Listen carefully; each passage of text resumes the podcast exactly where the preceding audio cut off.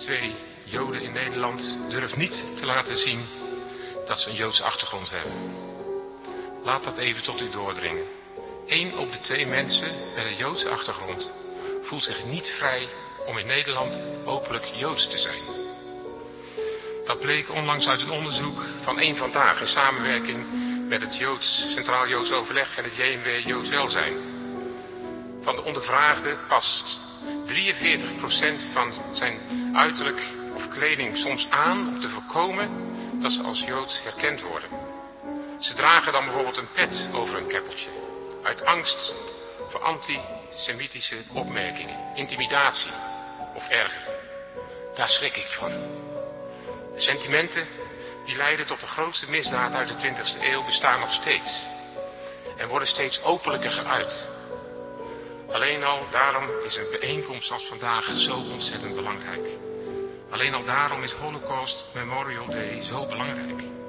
Niet alleen om te herdenken, maar juist ook om te waarschuwen. Om ons bij de les te houden. Dat wat ooit is gebeurd ook weer opnieuw kan gebeuren. Geef de duivel geen kans, zou dominee Jan Eikema zeggen.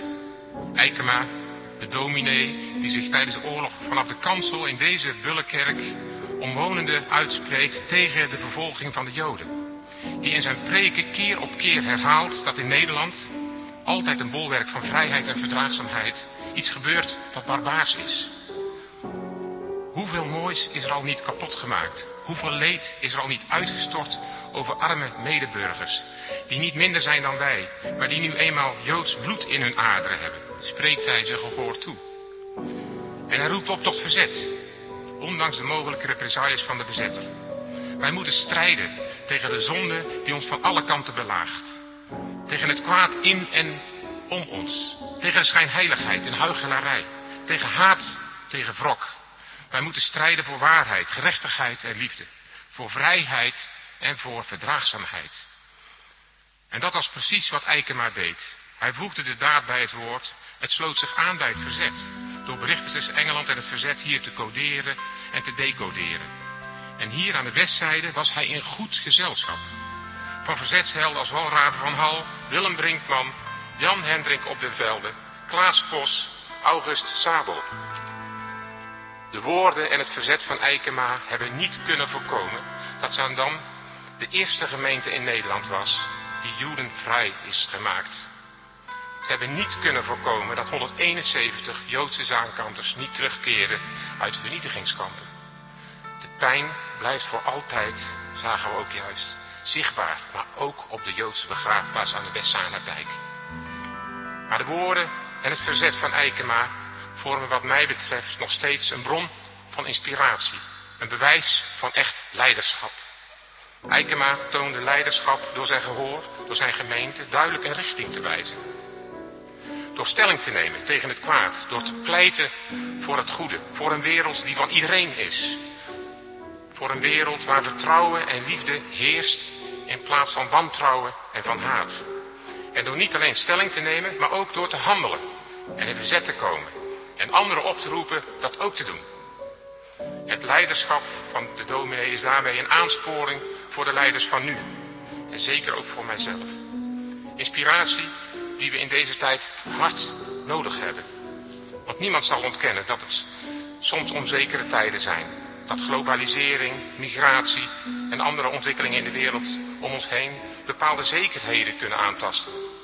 En het is goed dat er oog en oor is voor zorgen en voor onvrede.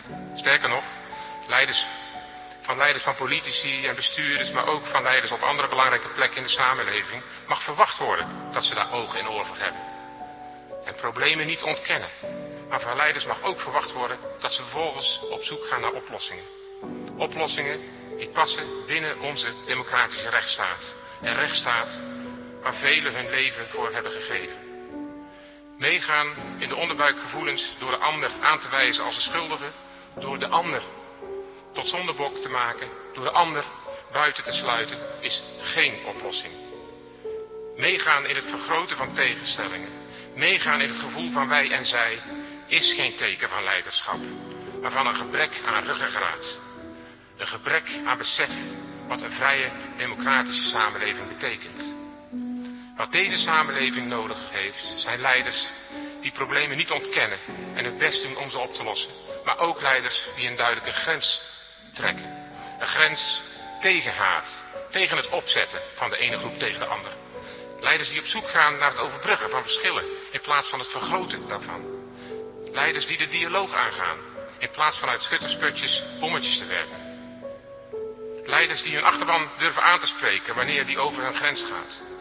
Want het kan niet zo zijn dat Joodse mensen in Nederland hun achtergrond moeten verstoppen uit angst voor discriminerende opmerkingen of geweld. Het kan niet zo zijn dat LHBT'ers hun geaardheid moeten verbergen uit angst voor afkeuring en voor klappen.